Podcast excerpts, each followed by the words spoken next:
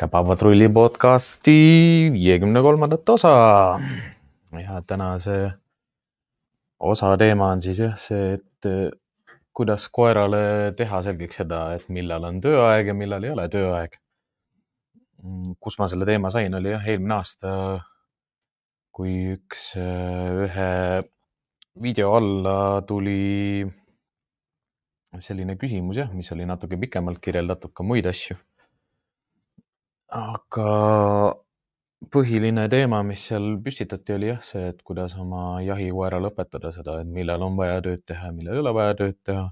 tõenäoliselt see saigi alguse kuskilt sealt, kui seda sai siin osades videodes nagu mainitud jah, et koertel, koertele saab tegelikult selgeks õpetada sellist asja nagu äh, sisse-välja tee tööd, ära tee tööd lülitit enne kui alustan, siis jah, tahaks endiselt tänada kõiki toetajaid, kes meid Patreonis toetavad ja mis ongi mul hea meel selle Patreoniga seoses on ka see, et, et kui ma nende osade teemasid mõtlen, siis Patreonis ma jagan natuke laiemalt äh, tõenäoliselt ka oma selliseid esi, esi, esmaseid emotsioone nagu nende teemadega, mis mul äh, päevakavva nagu tulevad miks see on-off äh, teema on olnud äh, hetkel nagu päevakavas, on sellepärast ka, et eile just rääkisin ühe oma kliendiga ka sellest sisse-välja äh, teemast ja, ja, ja sellega kaasneski selline mõte, et küsimus oli rohkem nagu selles, et, et kui, kui lifti minna, liftist tulla kas siis äh, anda koerale ka nii-öelda käsklustega märku, et, et kui ma lifti lähen, et siis ütlen talle istu ja siis, kui ma hakkan äh, liftist tulema või lifti minema, et siis ma annan talle ka selle vabastava käskluse või niisuguse lubava. Äh, mis on noh, nagu sisuliselt ikkagi nagu kuulekuse temaatika ja minu jaoks natuke liiga palju seostud see seostub sellega, milline on selline nagu klassikaline operantne tingimine, kus ma õpetan koeri, koera justkui mingeid käsklusi ootama ja nende järgi käituma, siis pikas perspektiivis te saate endale sellise koera, mida, mis ilmselt ei ole võistlus, võistluskoerte treeneritel ja ka tenniskoerte Mm, juhtidel nagu võõras sellised koerad, kes poole, poole oma üleval oldud ajast äh, vaatavad teile silma sisse, püüavad teie tähelepanu saada, ootavad äh, pingsalt, millal te annate järgmise käskluse. ja kaob ära justkui selline koera loomulik käitumine või lihtsalt naturaalne käitumine, kus ta liigub koos teiega, mõistab teie kehakeelt, saab aru sellest kuhu te lähete, mida te teete, kuhu te liigute, millal te liikuma hakkate, kui te seisma jääte, et mis on siis tema roll selles, kui te kellegagi kuskil juttu räägite. et kas ta on, kas ta oskab oodata, kas ta saab aru, et, et on selline aeg, kui ei ole tegelikult vaja midagi väga teha ja saab lihtsalt rahulikult olla. noh, sama asi ka tegelikult õhtuti kodus olles, et kui teie otseselt ei tee midagi, et temal, temal ka ei oleks kogu aeg sellist nagu tohutut vajadust nagu pakkuda mingi käitumisi, et, et kas kuskile on vaja minna või midagi on vaja tegema hakata või.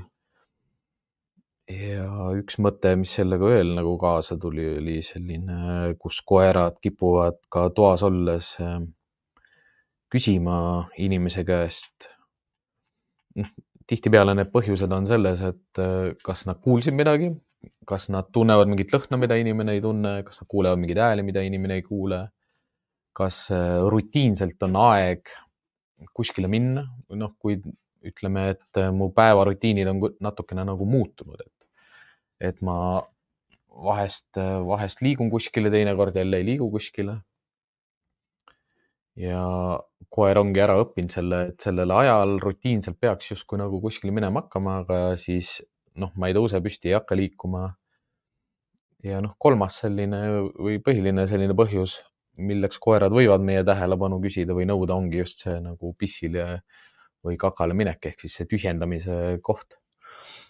aga noh, inimesed, inimestel mina soovitan koertega mängida, koertega õues käia, jalutamas käia ja mul ei ole ka mitte midagi selle vastu, kui koertele õpetatakse erinevaid käitumismustreid või erinevaid oskusi, kuulekuselemente.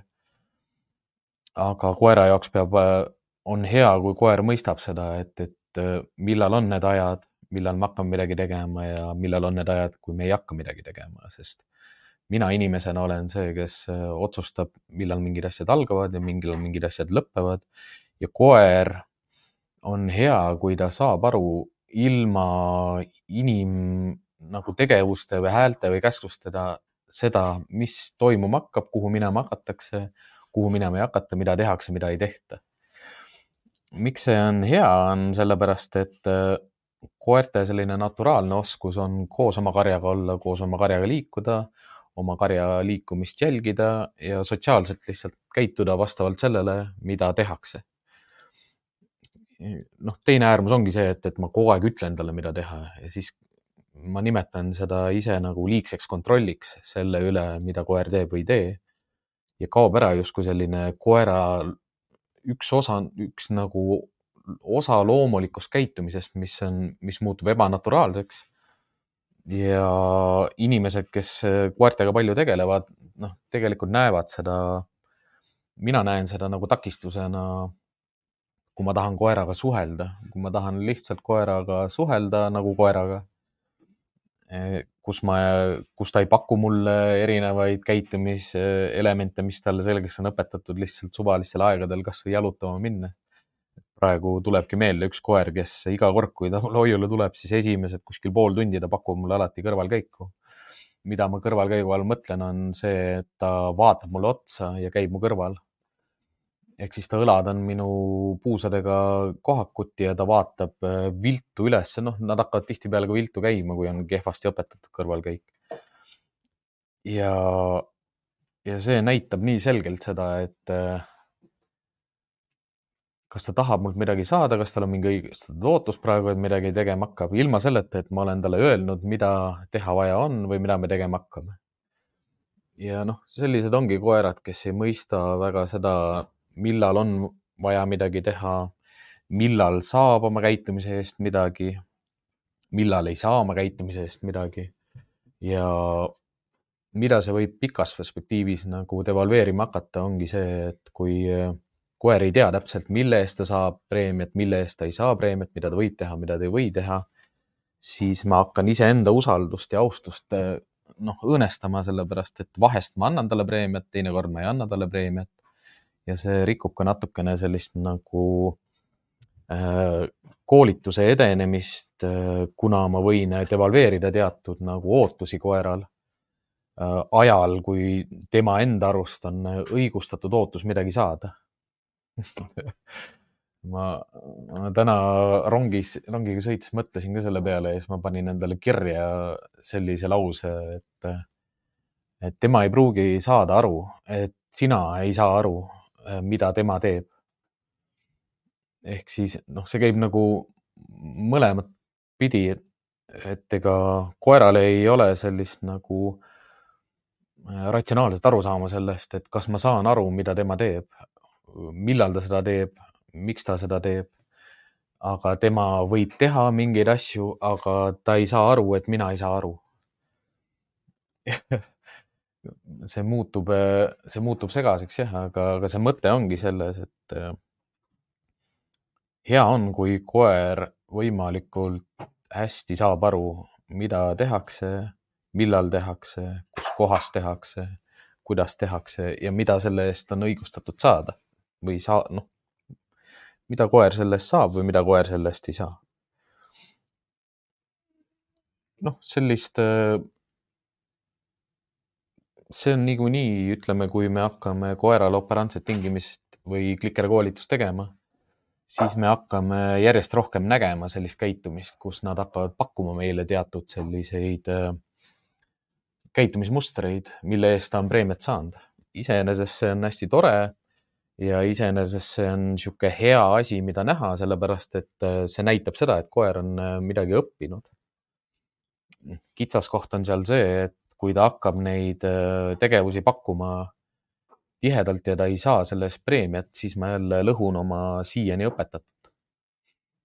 ja noh, kõik koerad on erinevad, et äh, kui täna sellest on-off'ist rääkida ka, siis peab nagu mõistma seda, et osad koerad on äh, kiiremini õpivad ja rohkem nagu sellele käitumisele kalduvad niimoodi, et nad on nõus pikalt pakkuma mingeid erinevaid käitumisi. Ja on selliseid koeri, kellel sellised käitumismustrid ei pruugigi elu jooksul üldse välja kujuneda või siis lihtsalt inimene ei märka neid, sellepärast et need ei kordu nii tihti. ja põhiline mure nagu, miks koerad ei pruugi aru saada sellest, et äh, millal on tööaeg või millal ei ole tööaeg, on see, et ei ole päevakavas sellist kindlat rutiini. ja ei ole ka ressursside seas, noh, kui ma ressurssidest räägin, siis ma mõtlen praegu rohkemgi nagu toit, mänguasjad ja vabadus. ehk siis millal koer saab õue, millal ta välja saab, millal ta mänguasjadega mängida saab, millal ta süüa saab, millal ta vabal ajal saab midagi närida.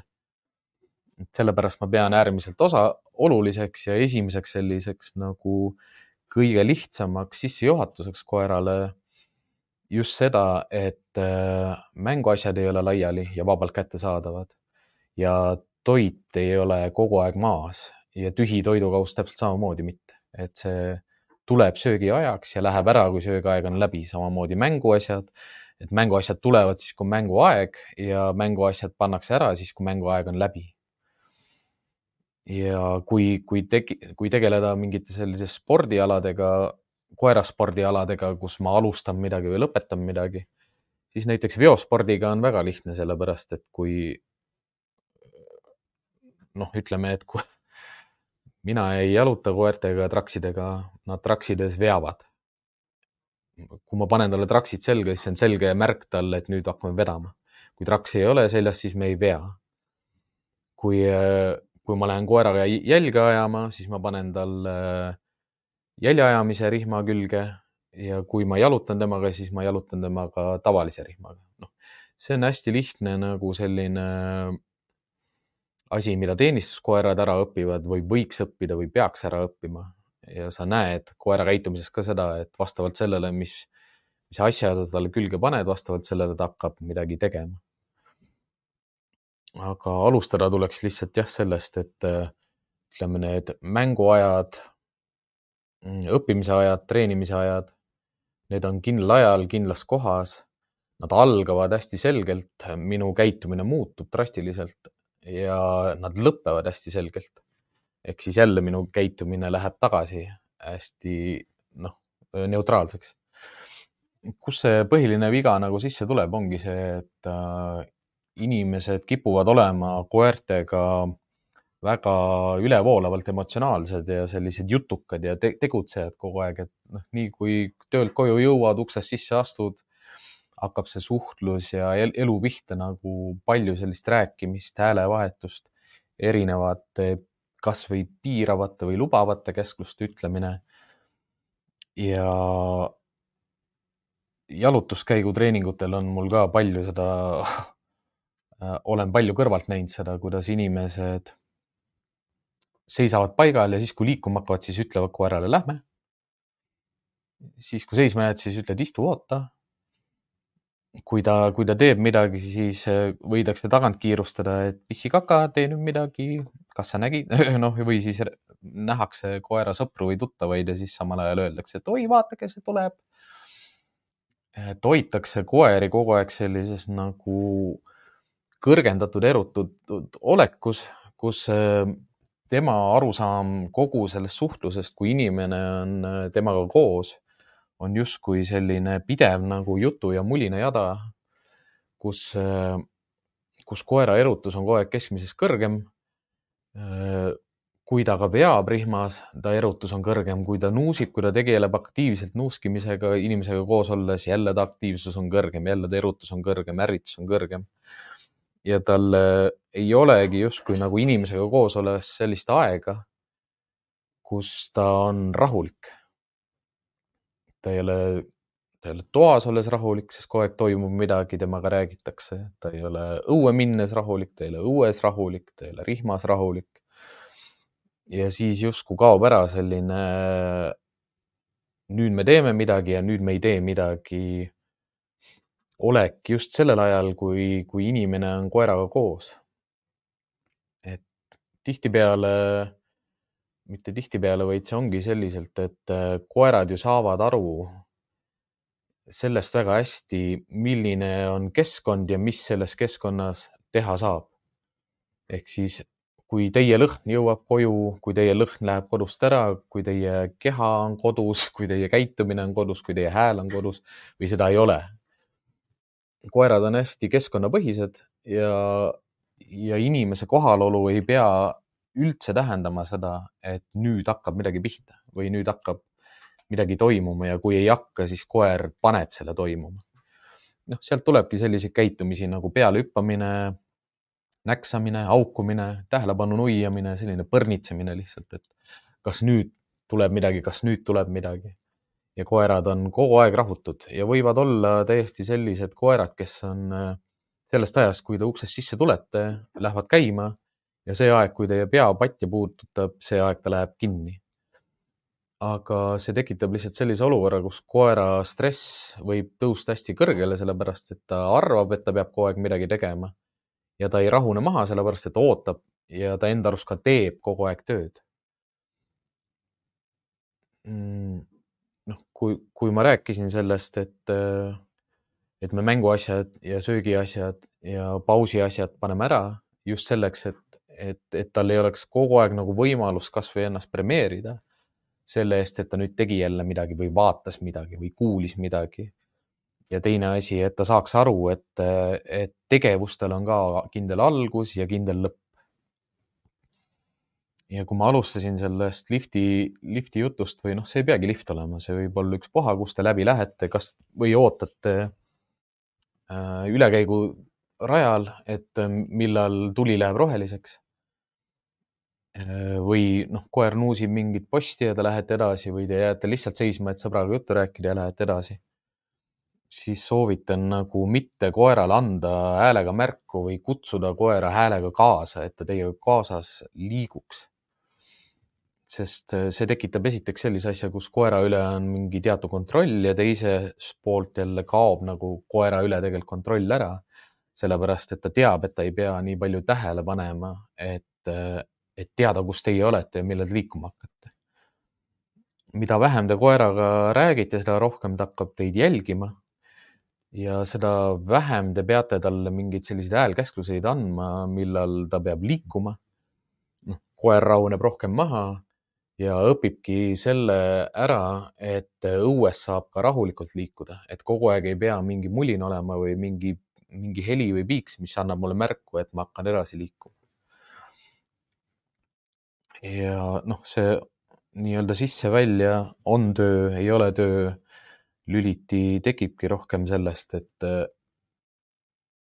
kui te ei mängi koeraga, ei treeni koera ei suhtle otse temaga, siis ei, siis ta erutus oleks madalam, ta oleks rahulikum ja ei tee mitte midagi peale selle, et ta on koer.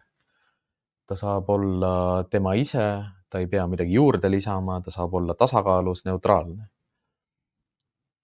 ja noh, te näete ise pikas perspektiivis, kuidas koer hakkab teid rohkem jälgima, sellepärast et ei anna talle kogu aeg märku, et kuskile peab jälle minema hakkama või midagi peab tegema hakkama ja tal ei ole ka sellist ootust, et äh, nüüd hakkab juhtuma midagi või nüüd ei hakka juhtuma midagi. ja teine osa, mis seal ongi, ongi just see mängu ja treeningu aeg. et kui, kui on mänguaeg ja on treeninguaeg, siis ta on palju aktiivsem ja palju kaasatum, sellepärast et see kontrast nende kahe justkui nagu ajalise kestvuse maailma vahel on hästi suur, sellepärast et esiteks teie olete hoopis teistsugune, noh, kontrastselt teistsugune, kui te hakkate mängima.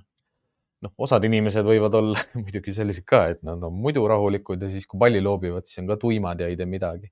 Eesti inimesega üldiselt on see häda, et äh, me ei ole ju ammugi nii emotsionaalsed kui itaallased või, või, või, või noh, ma ei, ma ei teagi, hispaanlased. Aga see ei tähenda, et, et ma ei saa liikuv olla mängides või et äh, ma ei saa ennast harjutada sellega, et ma oleksin mängides palju aktiivsem, kui ma muidu olen.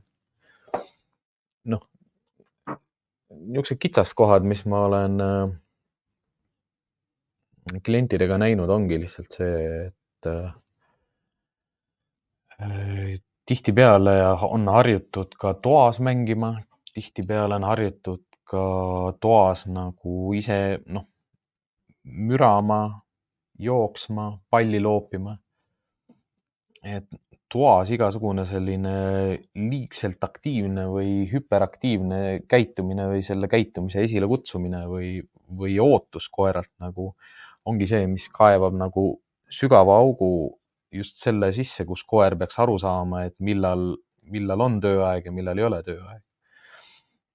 Miks ei teki sellist nagu selget arusaama koeral, millal tööaeg hakkab või ei hakka, ongi selle eh, noh, lihtsalt selline põhjus, kuidas nad õpivad või elavad. et selline õigustatud ootus tal võib olla kogu aeg, et äkki nüüd hakkab midagi juhtuma, kui ma teen nii, kui ma teen nii, kui ma teen nii või kui ma teen nii ja olenevalt koerast, osad koerad võivad väga kaua oodata, et, et midagi toimuma hakkaks ja nad on nõus ootama väga pikalt. Aga aru peab saama sellest, et terve see aeg, kui ta ootab, tegelikult ta töötab. ehk siis ka see ootamise aeg on töötamise aeg, kus ta ootab, et midagi juhtuma hakkaks. noh, see ongi koerte puhul selline, kus nad on nõus mingi ühe koha peal olema ja vaatama, näiteks jälgima või nad valivad endale kogu aeg seda kohta, kus nad saavad jälgida. Ja nad, neil ei ole sellist nagu off switch'i, kus nad ei tee mitte midagi, vaid nad kogu aeg kas valvavad või jälgivad. ja inimesed ise ei saa aru, et, et nende koerad ei ole veel seisma jäänud. tihtipeale noh, kodu, kodu, kodustes oludes või sellistes noh, kodu jah korterites, majades elades me ei pane tähele seda, et kuhu koer endale selle pikutamise koha valib. Ja me ei, me ei jälgi seda, et kas ta pikutades nagu puhkab ja on rahulik või ta on tähelepanelik ja aktiivne. ja, ja noh, sellepärast ongi tubades nagu oluline jälgida seda, et kus kohas on koeral magamise ja puhkamise koht ja kas ma olen selle paigutanud niimoodi, et tal on turvaline ja, ja hea praegu lõpetada see töö tegemine või ta peab ikkagi olema kergelt valves kogu aeg. noh, siuksed halvad näited ongi see, et äh, koera pesa või puur on pandud nagu suunaga ukse peale, sest noh, et kui ma koju tulen, siis ta kohe näeb mind, noh. aga ta on, ta on liikumistee peal ja ta jälgib väljapääsu samamoodi need koerad, kõik, kes pikutavad koridoris või porimati peal, et nad ei ole seal sellepärast, noh, nad on osadel puhkudel seal sellepärast ka, et see on kõva ja jahedam. aga nad on ka seal sellepärast, et nad lihtsalt valvavad. kui me tahame oma koera nagu järjest rohkem selliseks on-off switch'i peale saada, siis ta peab hakkama aru saama sellest, et kas on vaja kodus olles ka ja isegi pikutades tööd teha või, või ei ole vaja kodus olles pikutades tööd teha. Ja jälle hakkan algusest peale, ehk siis mänguasjad, toit ja näksimise asjad ära siis, kui ei ole söögiaeg, ei ole näksimise aeg, ei ole mängimise aeg. ja pesad selliste kohtade peale, kus ta ei pea valvama ja tööd tegema ja jälgima. kasvõi, kas jälgima seda, et võõrad ei tule või jälgima seda, et tema keskkonda ei tulda ilma küsimata sisse Ah, nii, Enge, Engelt üks küsimus. hei, hei. Äh, ehk siis ma saan aru, et äh, issand, noona, noona, noona on jalutades veel ebastabiilne koer on nii ees, kõrval kui ka vahel äh, maha jääb, jääb tahaks talle siis kuidagi märku anda, et see on just see, mida ma ootan, samas premeerides hakkab preemiat ootama. No see ongi see, et äh, ma ei kasutaks kuulekuse koolitamist jalutuskäigu ajal mitte kunagi. ehk siis kuulekuskoolitus on täielikult jalutuskäiguväline, noh, ma ei mõtle seda, et, et ma ei või jalutada kuskile, seal trenni teha ja siis tagasi jalutada. aga et niimoodi suvaliselt pikkida jalutuskäigu sisse mingeid selliseid kontaktiharjutusi, see on, see on täpselt selline õli tulle valamine, et ma saan aru nagu inimeste vajadusest koera premeerida mingi käitumise eest kohe, aga preemia koera jaoks saab ka see olla, kui ta saab olla rahulik ja lihtsalt oma inimesega koos ja lihtsalt liikuda. et preemia tähendust käitumise forsseerimiseks ei tasu nagu üle mõtestada enda jaoks. Pigem on oluline nagu korjata neid pisikesi ja palju, kui et seda suurt ja, ja paar korda mm,. mida, mida jalutades muidugi saab teha, kui koer käitub hästi, on äh, lihtsalt ennast nagu julgustavalt äh, rahuliku häälega äh, kiita. Noh, seal ongi see küsimus, et kas ma räägin koeraga või ma räägin iseendaga või enda ette. et keegi ei keela sul endal rõõmustada selle üle, mida ta teeb ja öelda iseendale, et väga tubli ja hästi, seda ma tahangi, et sa teeksid, väga tubli, hästi. aga samas seda ei tohi üle soolata niimoodi, et, et koera erutus tõuseks ja et ta hakkaks aru saama justkui, et nüüd hakkab jälle mingi sihuke mängutegevus pihta, sellepärast et sa teed seda häält siis, kui sa õpetad teda või sa mängid temaga. et seal tulebki olla hästi ettevaatlik selles osas, et, et ta ei hakkaks. et ta ei lähe, et ta ei lülituks nagu ümber sellele käitumisele, noh, mida sa ei taha, et ta teeks. Isegi kui nad hakkavad pakkuma, see ei tähenda, et ma pean äh, talle vastama. ja pikas perspektiivis ikkagi ma tegeleksin sellega, et tekitaksin selle suurema ja selge kontrasti selle vahel, millal on vaja tööd, millal on vaja sõna kuulata ja ma ütlesin midagi ja millal ei ole vaja seda teha. noh, siin, siin tulebki minu jaoks üks põhjus sisse, miks ma ei tee kuulekuskoolitusi grupikoolitustena või noh, üldse. sest minu jaoks ei ole see nagu vajalik. aga kui ma õpetan koera ja talle kuulekus või mingeid elemente, siis on äärmiselt vajalik, et ta saaks täpselt aru, mida ma tahan talt ja millal ma seda tahan. Tihtipeale jääb isegi nagu sellisel pikaajalisel, pikaajalisel ja korduvale pidevale koolitus, kuulekuskoolitusele sellised mured sisse nagu ebaselgus selles, mida see häälitsus tähendab, mida inimene teeb. ja kas see tähendab igal pool ühte samat asja või see tähendab midagi muud kuidas, kuidas me seda kontrollime, on noh, kas siis kellegi abiga näiteks. noh, kui ma tean, et mu koer saab mingi, noh, ma arvan, et mu koer saab mingitest sõnadest aru, siis näiteks kahekesi teha niimoodi, et, et sina ise keerad selja oma koerale.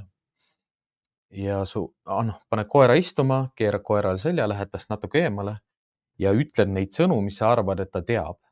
ja see, kes jääb koeraga, see, kes koeraga on, see võib ka rihma, rihmast koera kinni hoida, et koer ei hakkaks trügima su ette.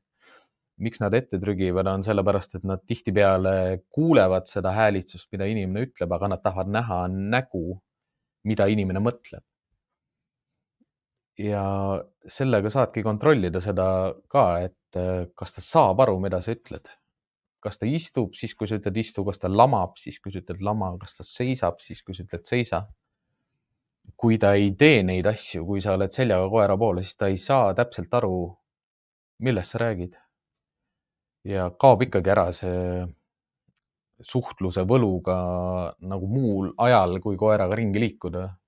sest kuna ta ei saa täpselt aru, mida sa räägid ja mida sa mõtled või mida su emotsioon või see lõhna kombinatsioon, mis sinust väljub, nagu tema jaoks ütleb, siis ta hakkab sellele ise tähendusi külge panema ja endiselt saad aru ka sellest, et ta, ta ei tea, millal hakkab töö pihta ja millal ei hakka töö pihta.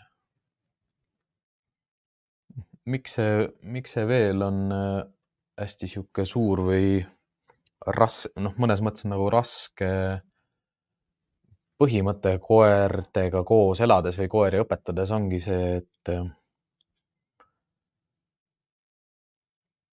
nad hakkavad ju inimesi juhtima. Isegi siis, kui sa näiteks majandad oma koera heaperemehelikult, äh, sul on ka jalutuskäik äh, lõdvarihmaga enam-vähem korras. aga, ja ta käibki kõrval, aga kõrval olles ta võib pakkuda ka lihtsalt kõrvalkäimist ja kõrval olles ta võib ka teatud olukordades hakata ikkagi seda juhtimist üle võtma. Kus kaob ikkagi jälle ära see, millal peab tööd tegema, millal ei pea tööd tegema. ja noh, miks ma, miks ma jalutan koertega niimoodi, et nende nina ei ole maas? ongi sellepärast, et ma ei taha, et ta jalutuskäigu ajal tööd teeb et kui ma isegi kodus ja toas saan koeral selle sisse-välja lüliti nagu paika, ehk siis ta kodus olles puhkab kenasti.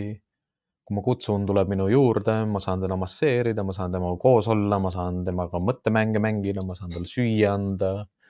ta ei vaata mulle kogu aeg silma sisse, ei oota, et mis nüüd toimuma hakkab, ta ei valva mind, ta ei jälita mind, ta ei kontrolli, mida ma teen. ta saab puhata ja nautida elu äh, vabadust lihtsalt aga nii kui ma uksest välja astun, on mu koer teistsugune ja hakkab tegema muid asju. noh, need muud asjad, muud asjad ongi, kas ta hakkab jälge ajama, kas ta hakkab sõp-, kas ta hakkab saaki otsima, kas ta hakkab sööki otsima, kas ta hakkab äh, sõpru otsima või tuttavaid või, või sihtmärki. me ise oleme õpetanud teda seda tegema ja me ei saa aru äh, miks ta ei saa aru, et praegu ei ole vaja tööd teha. Aga me ei ole ju talle õpetanud, et praegu ei ole vaja tööd teha. iga kord, kui ma õue lähen, siis ta tõmbab nagu tolmuimeja, teeb tööd ja ta ei tea, et, et me õues olles ei pea tööd tegema. mul endale tuleb jälle, korraks võtan endale selle aru ette, et ta ei saa aru, et sina ei saa aru, mida ta teeb see, see mõte ongi sellepärast selline, et äh, koer ei tea, et sina ei tea, et tema ajab jälge. sest koera jaoks on see täiesti loomulik käitumine.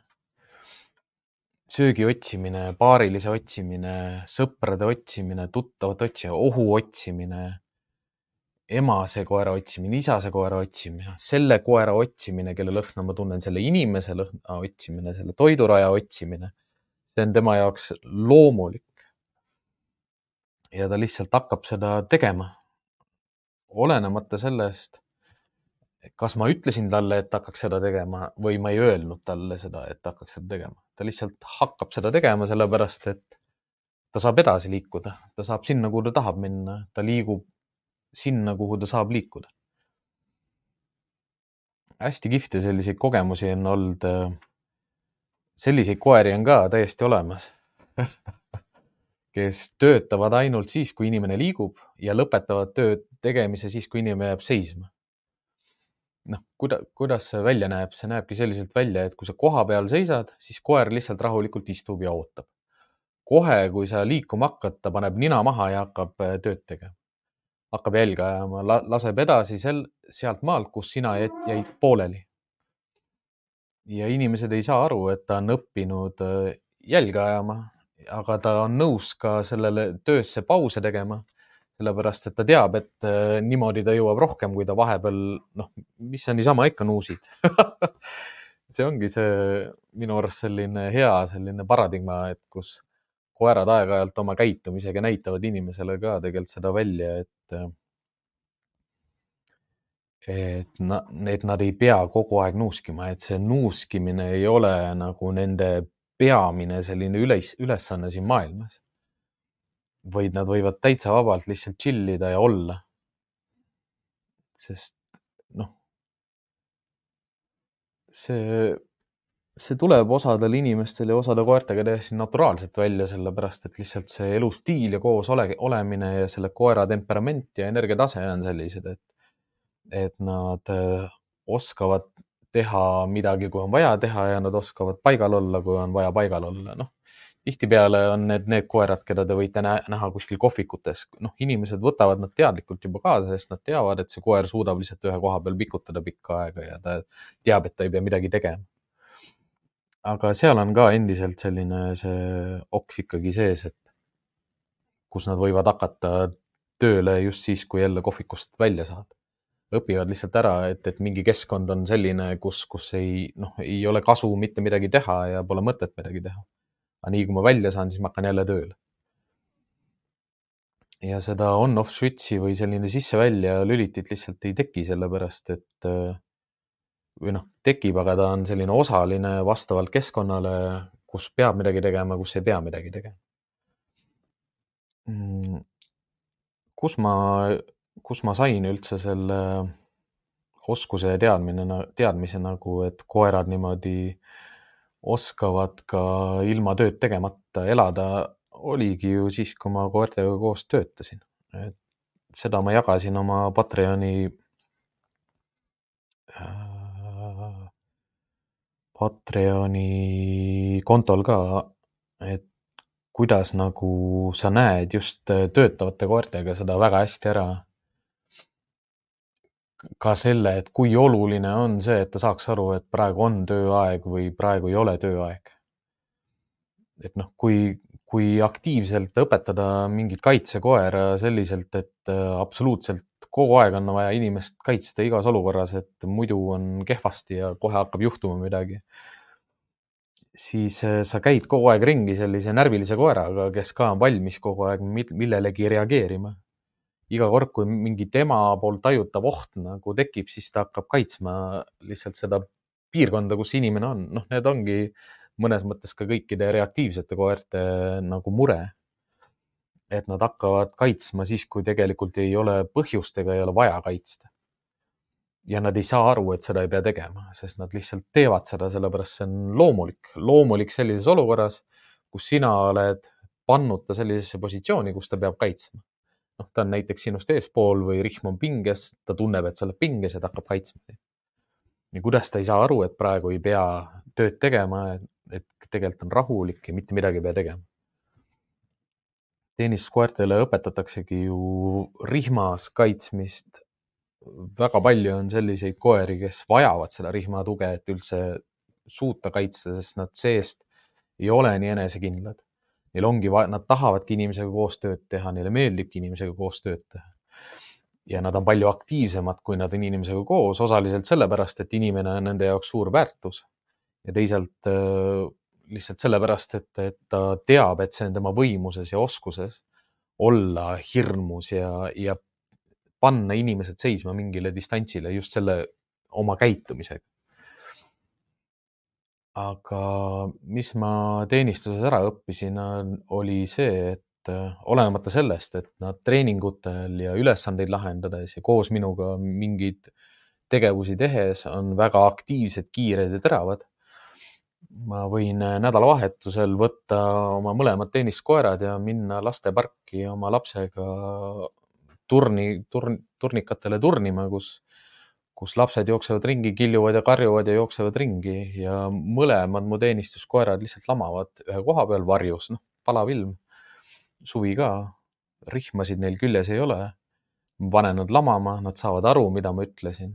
Nad lamavad ühe koha peal ja mina saan oma lapsega aega veeta, tegeleda äh, teiste asjadega niimoodi, et mu koerad saavad aru, et me ei tulnud praegu mingisse keskkonda, kus, kus kohe hakkab juhtuma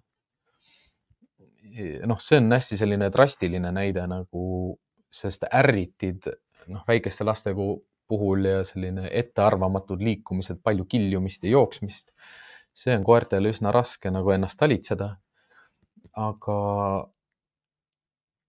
ma ei jalutanud oma koertega rihmastatult nagu muul vabal ajal, ehk siis ei kesklinnas, ei Magasini tänaval, kus oli meie selline põhiline, noh, Tallinna vangla oli seal ei metsas liikudes, ei kergliiklusteedel, kuskilt, sellepärast et nad said väga hästi aru, millal on vaja tööd teha, millal ei ole vaja tööd teha.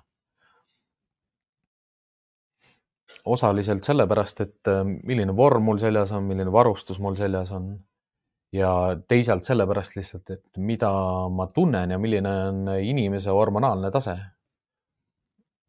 et noh, selliseid äh, teenistujaid või julgeolekutöötajaid on nagu vähe, kes saavad öelda, et ma ei karda ja, ja ma ei muutu ärevaks, kui mul hakkab mingi olukord äh, rulluma.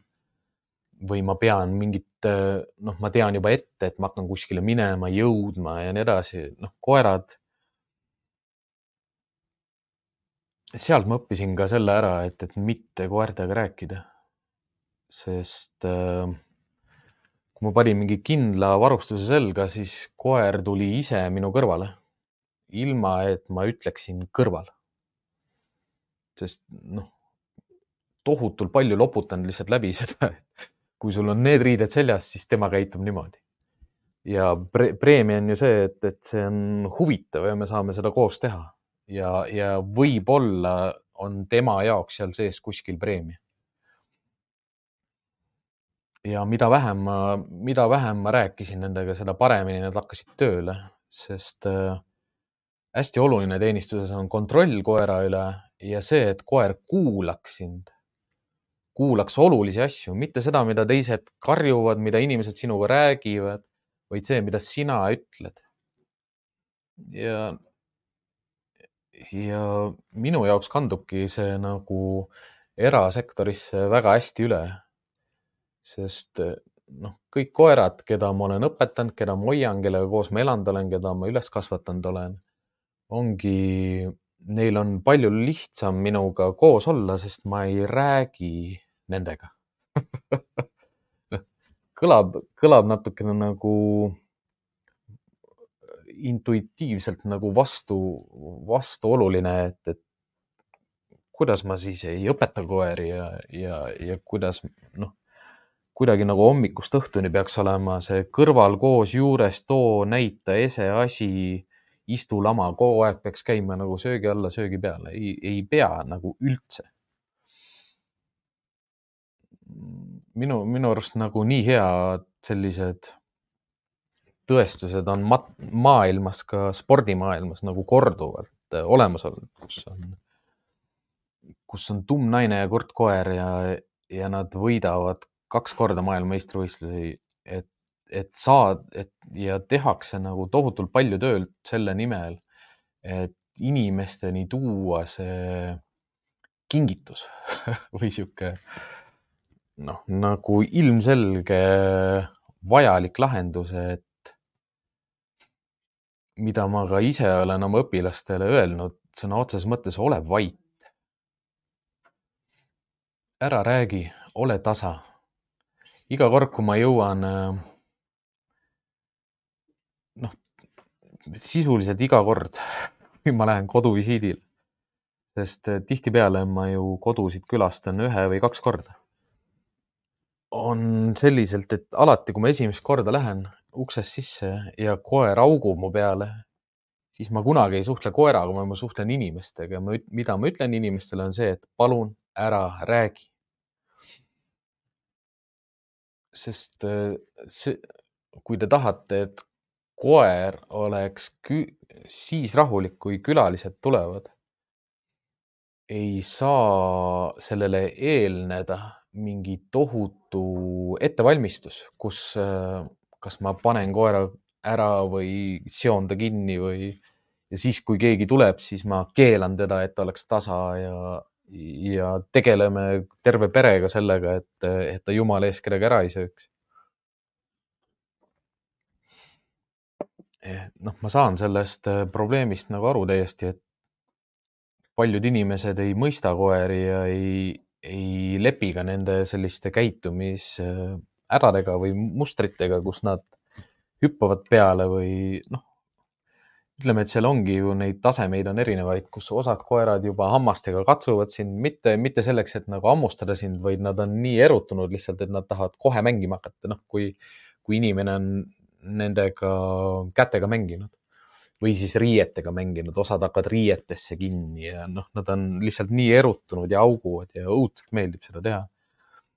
ja me, me jätamegi need koerad nagu käima ja kogu aeg tööle ja nad ei õpi ära, et, et ei ole vaja tegelikult mitte midagi teha. ole lihtsalt tähelepanelik, lihtsalt kuula, lihtsalt vaata. Ja minu jaoks see mittetöötamine, noh, ongi jalutuskäigus nagu tugevalt sees, et, et hoida koera nina maast lahti, et hoida teda rahulikult lihtsalt, et ta vaataks, oleks noh, ta tunneb ju lõhna niikuinii, tal ei pea nina maas olema, ta saab lihtsalt vaadata, jälgida. Osade koertega mulle õudselt meeldib lihtsalt seisma jääda, istuda kuskile pargipingi peale ja lihtsalt vaadata, mis maailmas toimub või suvel lähed, istud politseiparki keset muru maha ja lihtsalt vaatad, kuidas linnud lendavad, kuidas inimesed käivad, kuidas koerad jooksevad seal. et kõik koerad jah, võiks öelda küll, et kõik koerad oskavad seda, et see on igas koeras olemas. ja seda saab äh, kultiveerida. noh, üks, üks selline hea, hea harjutus, mida ma teen. see ei olegi ju, noh, see ei olegi nii palju nagu koera harjutamiseks, see on rohkem nagu iseenda mõttemaailma laiendamiseks oma koerast. ongi selline harjutus, kus ma lähen koeraga noh, siis kodust või toast või noh, ka hotellist lähen välja ja liigun, noh, ütleme sihuke pool tundi, sest enne seda ta on ära pissinud, ta on kakanud. ma liigun veel, leian siukse pargipingi või mingi pingi või kivi või kännu ja lihtsalt istun sinna peale. ja ainuke asi, mida ma hakkangi tegema, on see, et ma vaatan, mida koer teeb, kas ta oskab ennast välja lülitada ja vabalt on selliseid koeri, et sa võid pool tundi öö koha peal istuda ja ta vaatab kogu aeg paremale ja vasakule, paremale ja vasakule ja seisab püsti. ei jää isegi istuma kogu aeg ja siis ta nuusib, et mis lõhn on selle pingi jala küljes, mis lõhn on selle pingi jala küljes, mis seal prügikastis on, kes siit mööda läks. ja kogu aeg ja seisab sinu ees ja siis blokeerib kehaga ja vaatab niimoodi, et kas sealt tuleb või sealt tuleb või sealt tuleb või sealt tuleb ja noh, see on ilmselge märk sellest nagu, et ta ei oska seisma jääda ja ta ei oska lihtsalt olla. aga mida ma sellise eh, noh, omapoolse käitumisega teengi ja mida ma ootan koeralt, on see, et ta näitab mulle, et ta oskab seisma jääda. noh, seda ei maksa hakata harjutama või, või avastama selliselt, et et ma lähen nüüd kõige tihedamasse parki, kus ma üldse käinud olen, noh, kui ma Koplis elan, lähen sinna Noblessneri poole parki, et ma ei pea, sihtmärk ei pea olema nagu Snelli tiik või, või sihuke aktiivne koht, vaid teadlikult selline koht, kus ma tean, et väga palju liikumist ei ole, veel parem, kui seal ei ole üldse liikumist. aga ma ei tea ka täpselt seda, et kas see koer suudab isegi selles kohas nagu maha rahuneda. ja noh, ongi selline challenge tegelikult nagu, mida iga inimene oma koeraga teha saab, on see, et, et minna kodust välja, liikuda kuskil noh, ütleme viisteist kuni kakskümmend minutit, leida see koht, kus lihtsalt võtta aeg maha ja oodata ja istuda. ja mida koera käitumises nagu jälgida või oodata, ongi see, et mõttes võtta see aeg, et millal ta maha istub sõna otseses mõttes nagu jälgida seda aega, kaua võtab aega, et ta istuks maha ja jääks seisma. siin on täiesti seinast seina, siin on selliseid koeri, kes istuvad samal ajal maha, kui inimene maha istub ja siin on selliseid koeri, kes ei istu pikk, noh, pikalt-pikalt, kümme-viisteist minutit ei istu maha. ja on selliseid koeri, kes istuvad maha ja lähevad veel lamama ka. ja mida see teile lihtsalt koera kohta ütleb, ongi see, et et äh, esiteks, kas ta saab aru, millal ei ole vaja midagi teha ja teiseks, kui kiiresti ta saab aru sellest, et ei ole vaja midagi teha. et noh, ideaalne, ideaalne variant ongi siin see, et kui te lähete kuskile, istute maha, siis koer sisuliselt istub nagu vahetult pärast teid maha. Kui te ei paiguta teda ka enda ette, vaid pigem kõrvale, et noh, kui te pingi, pingil kohta valite, siis alati niimoodi, et koer saaks teie kõrvale tulla või jalgade alla, noh, väiksed koerad mahuvad pingi alla ka. et, et noh, ongi see suured koerad pingi kõrvale, väiksed koerad pingi alla. täiesti hea, kui nad lähevad pingi alla ja viskavad kohe pikali, super. kui nad istuvad maha ja, ja lasevad näo lõdvaks, noh, sa näed, et ta ei nuusi, vaid ta laseb näo lõdvaks. ja sellist, seda võib lihtsalt kordama hakata ja, ja mõnes mõttes see on selline nagu iga inimese selline enda kraadiklaas, millega saab kraadida seda, et kui kiiresti koer maha rahuneb. kui ma muudan midagi tema eluolus, kui ma muudan midagi tema positsioonis karjas, kui ma muudan midagi tema majandamises, kui ma muudan midagi tema ressursi ligipääsudes, kui palju see muudab tema arusaama sellest, mida me koos maailmas teeme ja kui kiiresti ta maha rahuneb.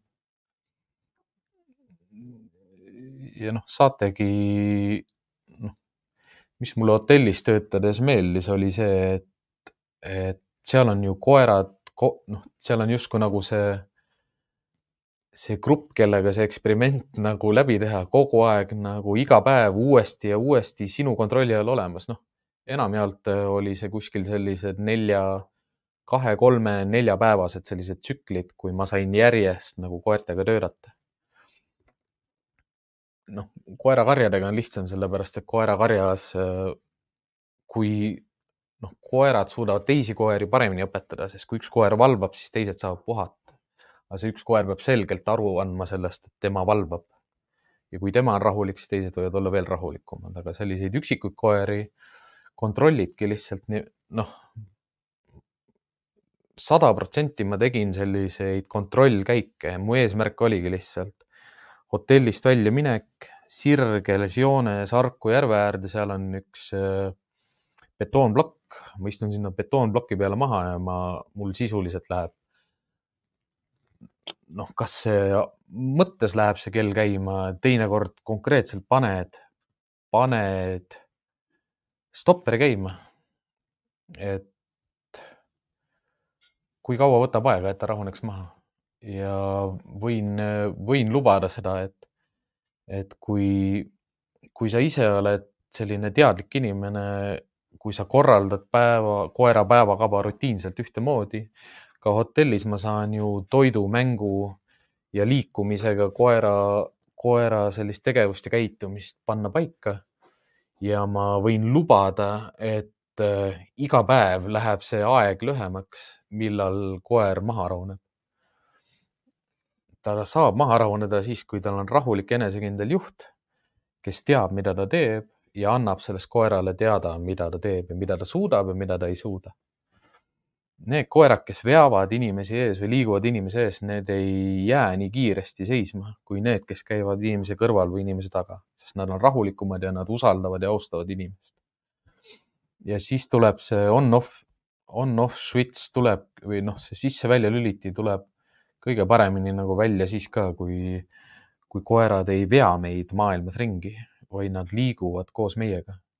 ja nad ei ole meie ees tööd tehes, vaid nad on meiega koos liikudes, meiega koos liikudes ühest punktist teise.